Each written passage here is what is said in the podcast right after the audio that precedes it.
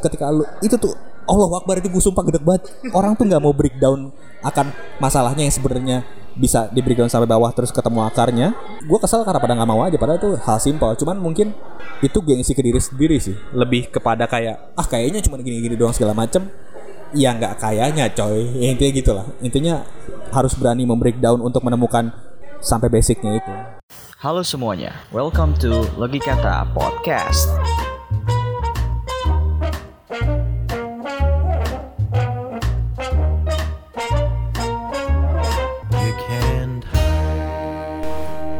Ya welcome back di Logikata Podcast. Tadi di part yang pertama uh, kita udah ngobrol banyak tentang langkah dasar dalam berikhtiar.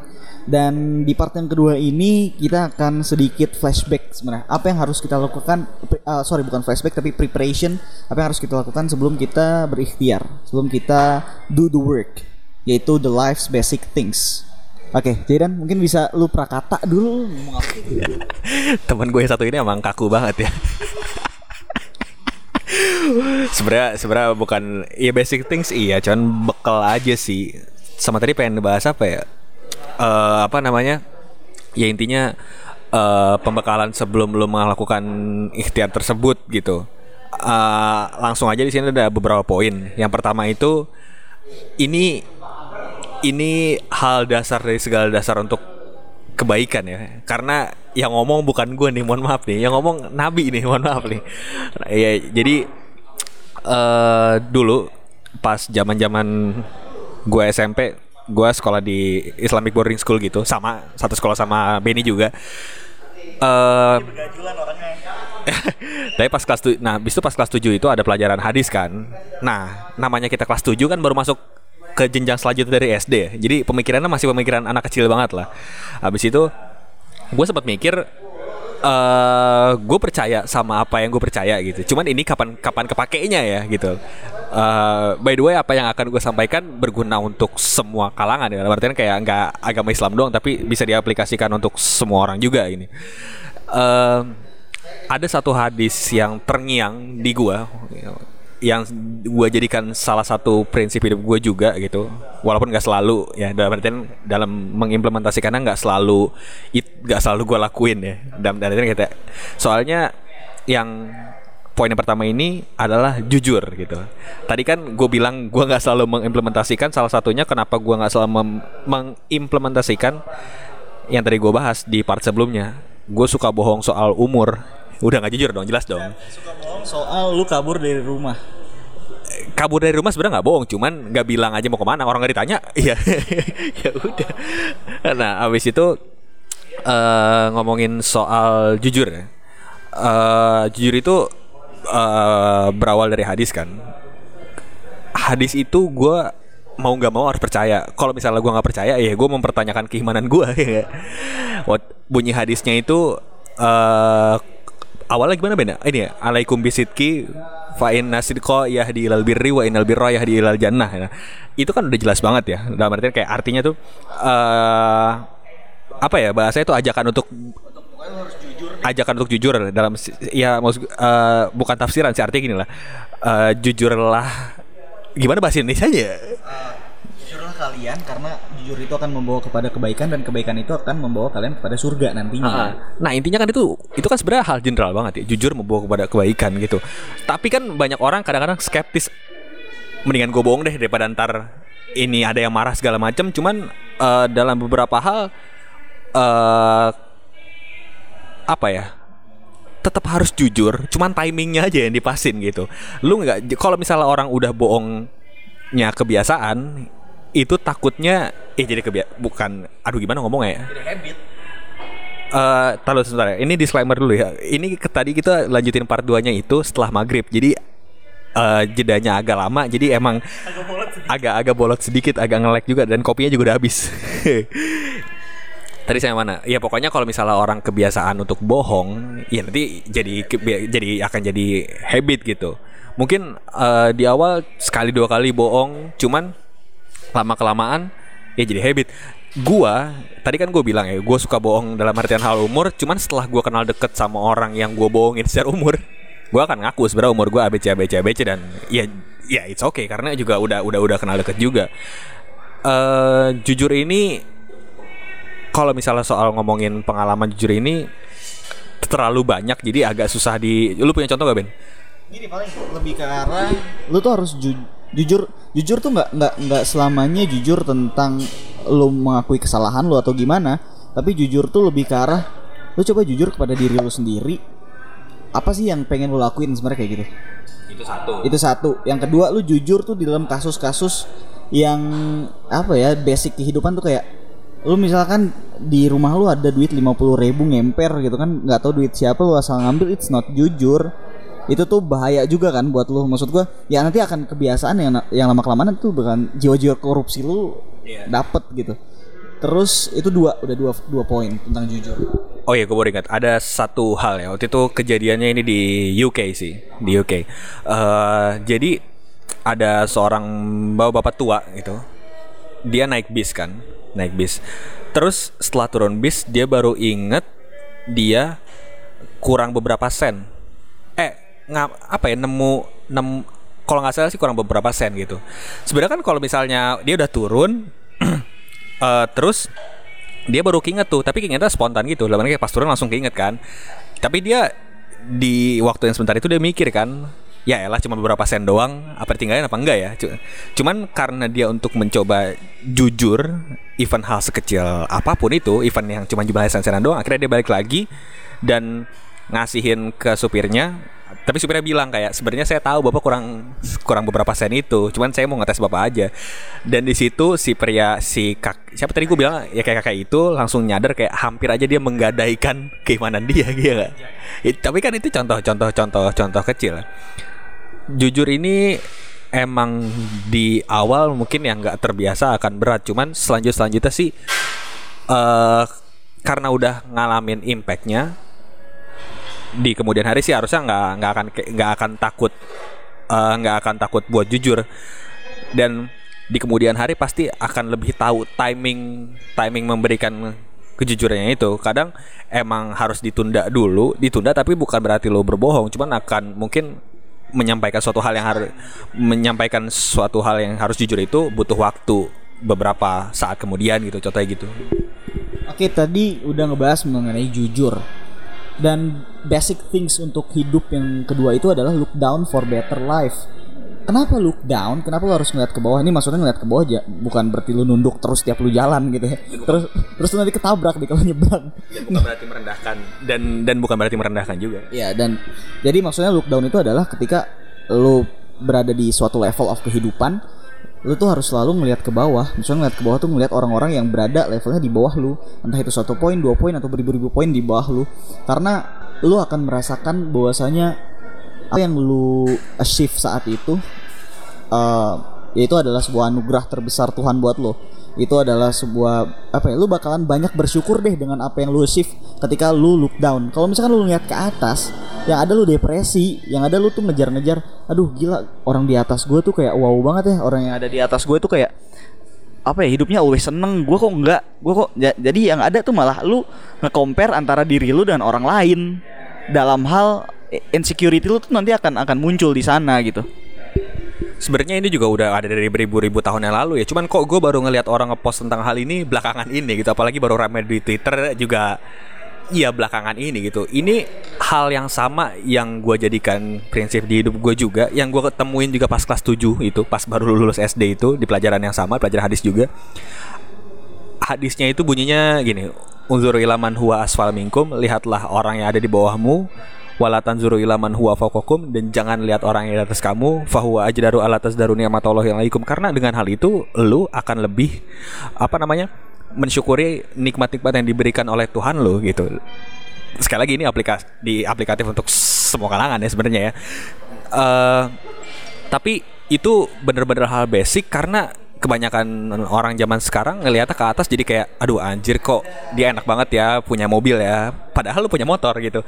Orang yang jalan kaki ngeliat lu juga enak gitu karena dia nggak punya motor tapi lu punya motor gitu. Sebenarnya kayak ketika lu bersyukur di situlah lu merasa di atas maksud gue merasa merasa merasa cukup lah. Dan apa ya gue merasa ketika orang punya mindset ngelihat ke atas mulu itu nggak akan tercapai karena ketika ketika orang melihat ke atas itu itu jadi gap gitu. Dan merasa lu nggak mampu ke sana. Jadi ketika lu merasa nggak mampu ke sana kan lu jadi nggak gerak. Itu balik lagi. Lu tidak mau optimalkan diri lu. Nah itu balik ke poin yang langkah ikhtiar itu. Jadi itu penghalang sih menurut gua ketika lu ngeliat ke atas. Tapi ketika lu ngeliat ke bawah itu lu akan merasa bersyukur dan ingin membantu orang yang di bawah lu itu gitu. Tapi di sini konteks bawahnya itu ada macam-macam ya. Karena misalnya ada dua hal yang berbeda tapi orang yang satu lebih di atas yang satu di bawah ya pokoknya dalam hal tertentu lah nggak nggak dalam semua hal tapi intinya itu hal paling mudah untuk bersyukur ya lihat ke bawah gitu itu juga yang ngomong udah dari beribu-ribu 1400 tahun yang lalu lah ya gitu. Gue pengen figure out aja nih tentang look down uh, look down for your better life gitu ya. Ketika kita melihat ke bawah dan kita banyak bersyukur otomatis ya kita akan banyak apa ya mengeluarkan something valuable dari kita itu untuk hal-hal yang bermanfaat ya nggak sih dan itu yang bakalan ngebus kita semangat kita untuk ya melakukan hal-hal yang baik lebih daripada sebelumnya karena tanpa adanya penyemangat itu ya kita nggak bakal bisa maju dong nggak bakal bisa berpindah dari satu posisi ke posisi yang lain. Kalau menurut gue sih gitu. Dari tadi kan gue nyinggung prinsip nih soal jujur dan soal ngeliat ke bawah gitu. Ini ini agak overview sedikit ya. Eh, banyak orang aku punya prinsip gue nggak tahu sih itu prinsip bener atau prinsip cuma ikut-ikutan doang biar lu keren gitu bilang punya prinsip gitu. Sebenarnya sih orang kalau punya prinsip sebenarnya nggak harus bilang secara verbal kecuali Tadi dulu bentar. Nggak harus bilang secara verbal. Diungkit iya. Kalau kontekstual gitu kalau misalnya lagi di pembicaraan seharusnya gitu. Setiap orang eh, prinsip itu ada definisinya gitu. Gue cuman nggak tahu di KBBI prinsip de- definisi apa cuman bagi gue eh, prinsip itu terms and condition yang kita tentuin sendiri aja gitu. Kadang orang kan punya prinsip nih misalnya prinsipnya satu eh, tadi jujur yang kedua misalnya lihat ke bawah. Nah eh, apa namanya? Ketika lu udah punya prinsip lihat ke bawah itu ya itu dijalanin jangan sekedar prinsip doang gitu.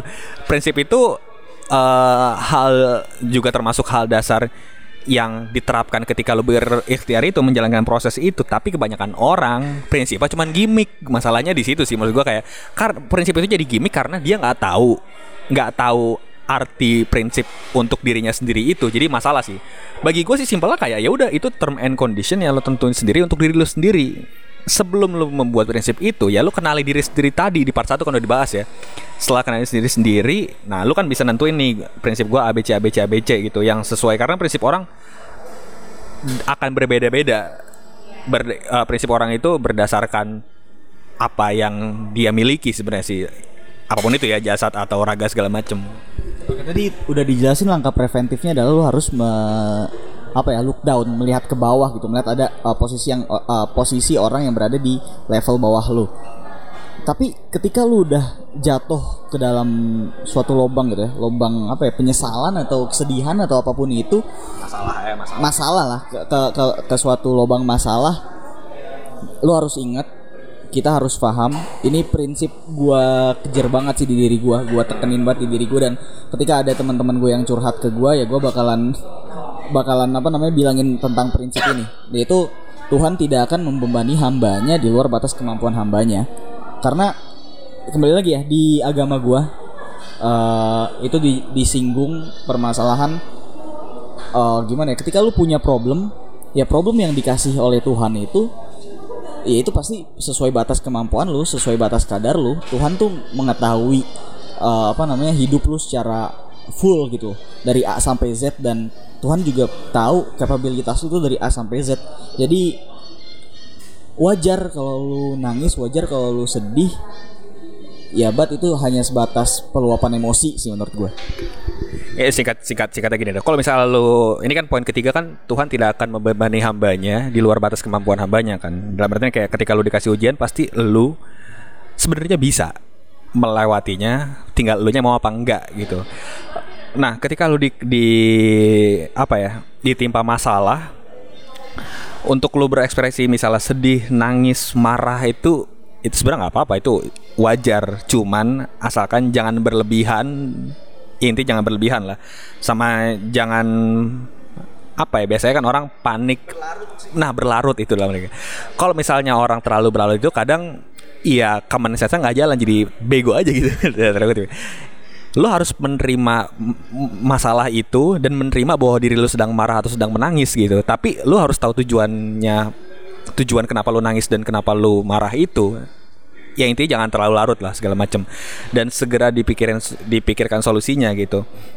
Dan ketika lu ditiban masalah untuk merasa diri lu lebih mampu itu kembali lagi ke poin yang kedua lihat yang ada di bawah lu dalam artinya kayak ada orang lebih sengsara daripada lu. Misalnya lu nih ditimpa utang 10 juta. Eh ternyata ada orang yang diutangi satu miliar. Nah lu kan merasa lebih jauh lebih beruntung dong. Itu sebenarnya udah bisa ngebus lu juga. Dan apa ya ini gue pengen ngasih contoh aja ya, soal ujian yang diberikan pasti manusia bisa lewatin. Kayak waktu itu di hari pertama gue touring itu yang yang tujuan ke Thailand itu bukan lewat Sumatera ya. Habis itu ke bagian malam nih ke bagian malam di hutan Sumatera kan itu sesuatu yang tidak gue rencanakan tapi masalahnya datang di tengah jalan Nah itu kan masalah ditimbakan kepada gua gitu. Gue yakin ya itu di saat itu kan ada banyak stigma-stigma hutan Sumatera ya. Bajing loncat lah segala macem. Tapi di di masalah di ketika gua ditimpa masalah secepat maksudnya itu kan ditimpa masalah di tengah jalan ya. Ya gue langsung mikir aja ya kalau misalnya gua dikasih ujian kalau misalnya gua mampu lewatin harusnya gue bisa ngelewatinnya. Tinggal gue mau apa enggak kan? Sama kalau misalnya gue nggak bisa ngelewatinnya berarti it's time buat gue mati gitu loh. Gitu aja sih. Dan di situ gue langsung berdoa kayak kalau misalnya yang terbaik nyawa gue diambil ambil aja. Kalau yang terbaik cuman kalau misalnya yang terbaik gue menyelesaikan bisa menyelesaikan masalah ini ya berilah kemudahan lah. Tapi alhamdulillah gue nyampe tujuan setelah bergelap-gelapan sekitar satu setengah jam lah di hutan Sumatera. Deg-degan iya cuman gue cuma bisa pasrah aja yang penting gue udah ikhtiar udah ikhtiar. Waktu itu contoh yang ikhtiar yang gue lakuin sebelum gue jalan touring itu gue udah tahu cara antisipasi biar nggak dibegal misalnya. Atau observe dulu pasti. Kan tadi ke hal yang tadi balik lagi. Pertama sebelum lu jalanin ya lu observe rute dulu kan. Caranya gimana segala macem. Atau problem-problem yang akan datang di jalan itu gua gua gua gua iniin. Gua apa namanya gua cari solusinya ya gue jalanin aja solusi itu sisanya untuk result mah nyampe apa kagaknya mah urusan nanti yang penting gue udah udah udah udah udah udah berusaha lah Gini, em, kembali lagi ke tadi basic things gitu ya. Kadang kan kita sedih, kadang kita tuh nangis, kadang kita down, buat ada down. Ada kadang orang bilang katanya gue lagi di titik terendah gue saat ini. Eh, sebenarnya luka itu adalah suatu hal yang berbahaya, danger for ourselves atau luka itu malah sebuah sesuatu yang apa ya? Kayak ibaratnya konstruktif gitu, membangun kita. Menurut lu gimana? kalau misal lu dapat luka ya udah luka. Pertama itu dulu. Nah, lu harus lu harus lu harus sadar bahwa lu udah luka gitu. Eh, tentang diri lu merespon sebenarnya tinggal lu pengen ngambil sudut pandang yang mana sih? Contohnya waktu itu 2017 ya? Eh 2016 sorry. 2016 gue kecelakaan nih. Kecelakaan motor patah-patah segala macam lah. Kan pilihan gue dua ya. Entah gue trauma atau pokoknya pilihannya dua. Kalau nggak gue trauma kalau nggak ya gue mengevaluasi diri kenapa gue begitu. Dan ya gue lebih gue akhirnya memilih untuk apa namanya mengambil jalan yang mengevaluasi diri. Karena pertama kalau trauma gue nggak ngelihat ke depannya mau ngapain gitu lah. Makanya kayak trauma ya udah trauma gitu nggak ada yang diambil. Gue cuman bisa mengingat rasa sakit gue itu. Cuman ketika gue bisa mengevaluasi gue mengingat rasa sakit itu dan gue mengonvert itu menjadi sesuatu yang berguna untuk gue dalam artian kayak pelajaran apa yang gue bisa gue ambil atau apa yang seharusnya gue lakukan ketika kejadian hal yang sama terulang segala macem. Nah itu soal soal soal lu pengen ngambil perspektif yang mana sih? Ya ya begitulah intinya. Konklusi nih, konklusi dari tadi the life's basic things. Ya kita harus jujur pertama, yang kedua adalah kita harus melihat ke bawah ya supaya kita bersyukur gitu. Salah satu salah satu cara kita untuk bersyukur adalah kita melihat ke bawah. Kemudian yang ketiga adalah kita harus tahu, kita harus tanamkan di diri kita bahwasanya setiap masalah yang kita hadapi itu pasti sesuai dengan kemampuan kita karena Tuhan gak bakal eh, memberatkan hambanya dengan apa namanya musibah-musibah yang terjadi eh, kecuali hamba yang bisa melewati ya kecuali hambanya bisa melewatinya kemudian yang terakhir adalah lo harus percaya walaupun luka itu membekas gitu ya tapi luka itu buat lu kuat contoh kasarnya kalau misalnya lu ngeliat preman banyak codetnya ya udah dia udah biasa dengan hal itu dan ketika dia kena kebeset sedikit ya udah biasa aja gue nggak perlu nangis gitu kan Eh, menam tadi udah konklusi belum sih? Belum. tadi kan udah diurutin poin-poinan nih. Sebenarnya eh, poin-poinnya itu diurutkan based on emang urutannya kayak gitu. Jadi tumpang tindihnya pas gitu. Misal dari poin satu nih, jujur adalah basic dari segala kebaikan. Oke, itu paling basic yang nomor satu nih. Nomor dua, eh, lihatlah ke bawah. Nomor tiga, Tuhan tidak akan membandai hamba di luar batas kemampuan hambanya itu kan. Nah berarti kan kayak eh cara untuk membus agar ketika lu ditimpa ujian eh, bahwa kan Tuhan nggak akan me, me- apa namanya memberikan ma- memberikan masalah kepada hambanya kecuali hambanya bisa menyelesaikannya kan? Salah satu busnya yaitu lagi lihat ke bawah. Ha-ha. itu kan jadi poin ketiga itu mens- apa namanya poin kedua mensupport poin nomor tiga. Dan nomor empat itu kan luka membuat lu kuat. Itu kan juga mensupport dari poin dari poin ketiga. Dalam artian kayak luka itu kan ya pasti gara-gara masalah dong.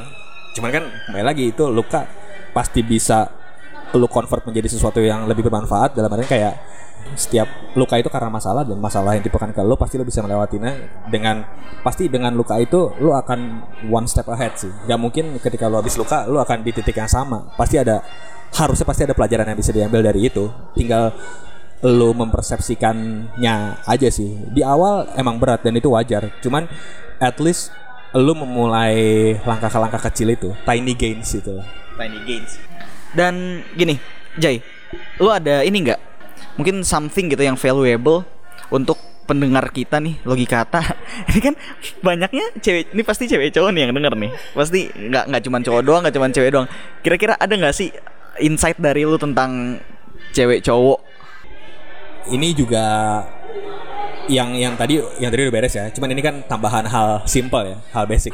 Eh ini waktu itu gue iseng ya. Gue suka kalau orang ngaca-ngaca doang biasanya kaca gue coret-coret pakai spidol gue suka iseng aja gitu cari-cari cari-cari pattern-pattern orang-orang gitu. Orang suka mensalah-artikan adil. Orang suka men- orang kira adil tuh sama padahal sama sekali bukan gitu.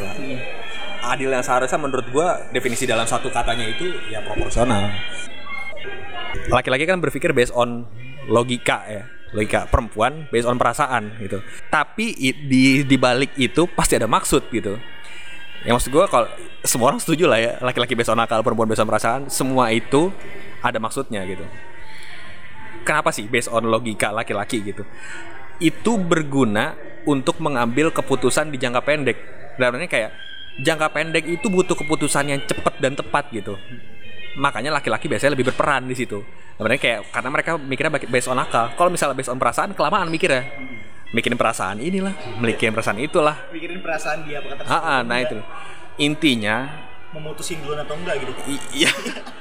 Ya inti intinya intinya intinya eh kegunaan laki-laki berpikir based on akal dan perempuan based on feelings itu dalam jangka pendek itu berguna untuk menyimbangkan menyimbangkan maksudnya dalam artian kayak itu berguna untuk jangka pendek.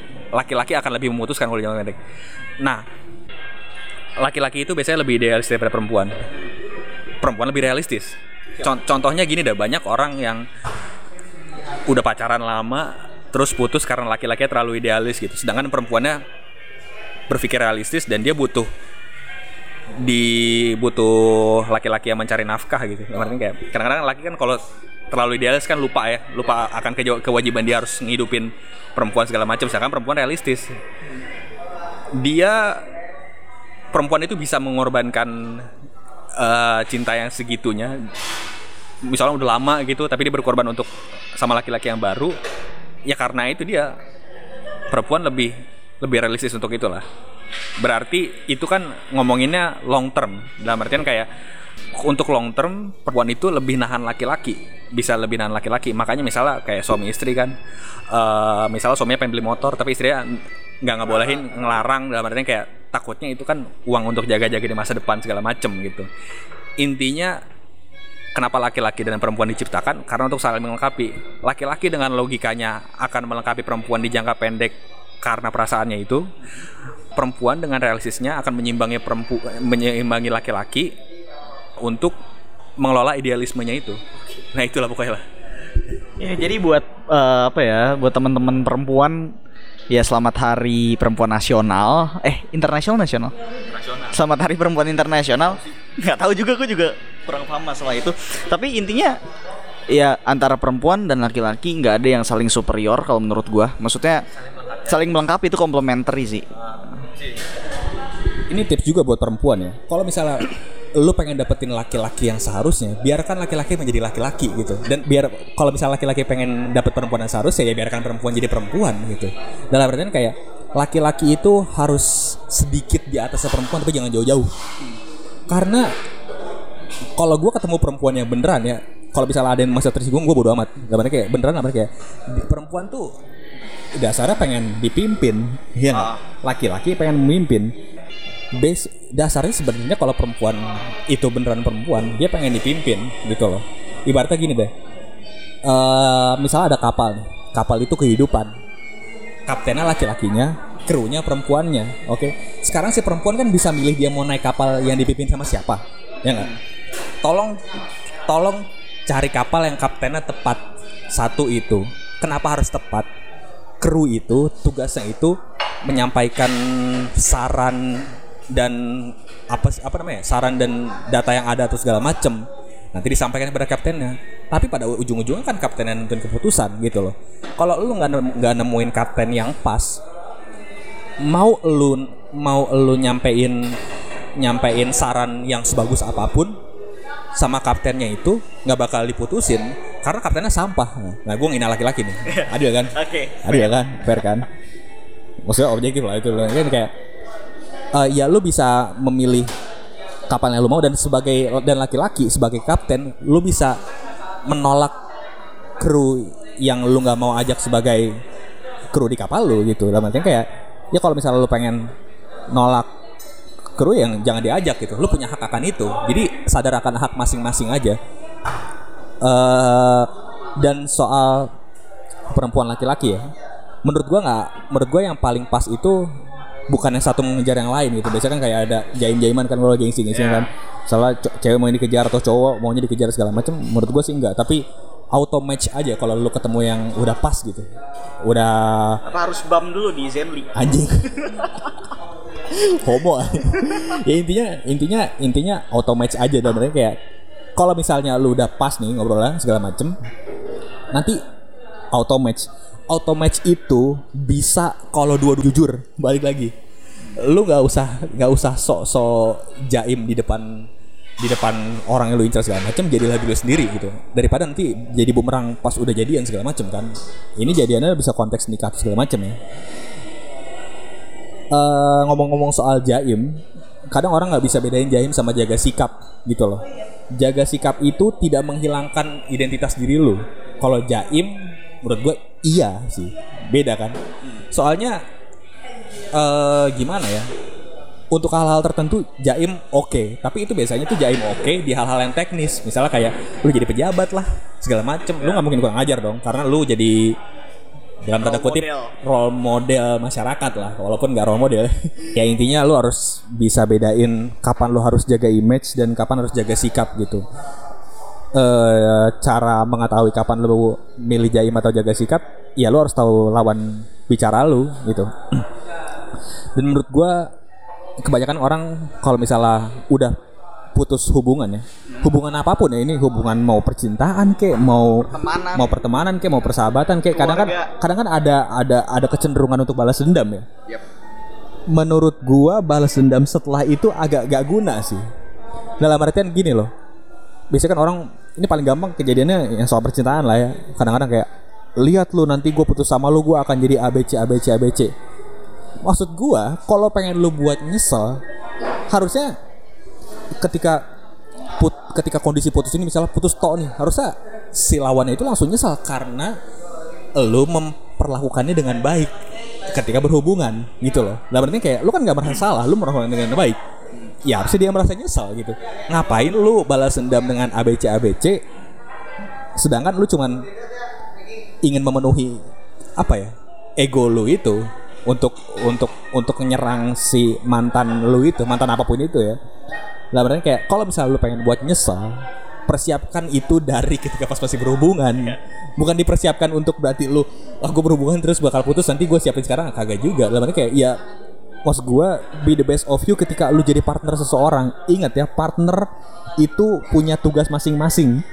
Yang namanya partner itu atau hubungan perjanjian apa pun itu nggak bisa satu arah itu pasti dua arah. Kalau misalnya satu arah doang mah apa itu nyumbang nih eh apa bahasa itulah intinya kalau partner pasti pasti ada tanggung jawab dan pasti ada feedback gitu loh.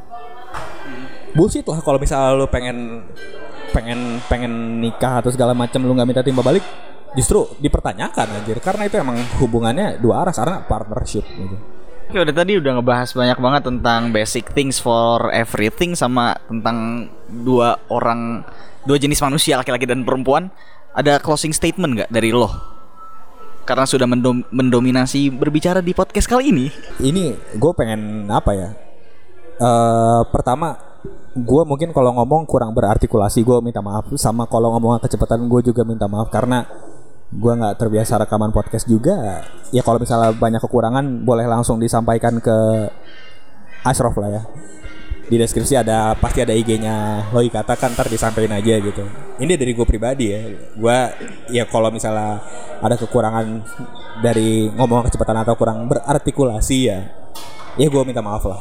Tapi gue harap lu bisa mengambil intisari dari apa yang disampaikan. Intinya dari semua hal ini adalah don't forget basic things sih. Maksud gue kayak kebanyak yang gue lihat di real life ya gitu. Orang kebanyakan kebanyakan kebanyakan masalah tapi nggak mau di breakdown aja. Sebenarnya satu kata itu tuh breakdownnya ketika lu itu tuh Allah Akbar itu gue sumpah gede banget. Orang tuh nggak mau breakdown akan masalahnya yang sebenarnya bisa di breakdown sampai bawah terus ketemu akarnya.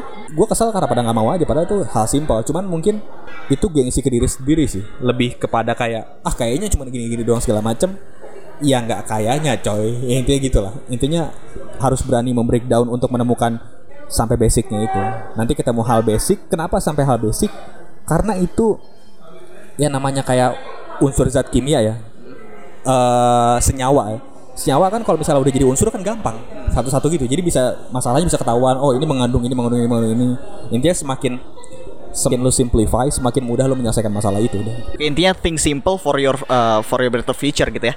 Oke, uh, terima kasih kepada teman-teman semua yang udah dengerin kita di podcast Logikata. Sorry banget kalau misalkan banyak banget apa ya ngalor ngidur kita dan ngomong ngomong-ngomongnya juga agak agak agak sedikit kasar tadi gitu ya. Um, Oke, mungkin cukup sekian dari gua. Dan terima kasih Zaidan udah bisa ngobrol sama gua pada malam hari ini dan kopinya sampai habis ya. Sebenarnya tadi kita rekaman dari sore sampai malam kan ya, sampai jeda tadi maghriban dulu. Sama intinya biar biar bukan biar sih. Kalau misalnya khotbah Jumat kan khotibnya suka bilang ya, nasihat yang disampaikan sebenarnya terinti utamanya untuk dirinya sendiri kan. Jadi sebenarnya disampaikan juga balik kepada diri gua sendiri dan Ashraf juga. Cuman kalau misalnya ada opsi yang bisa lo ambil atau intisar-intisar yang lo bisa lo ambil dan bisa diterapkan di hidup lo, gue berharap semoga berguna ya. Stay tune di podcast Logikata. Sampai jumpa di episode selanjutnya. Bye. Terima kasih sudah setia mendengarkan Logikata. Jangan lupa untuk mengikuti kegiatan kami, memberikan saran dan kritikan konstruktif melalui Instagram Logikata di @logikat Untuk informasi lebih lanjut, silahkan lihat di deskripsi. Sampai jumpa.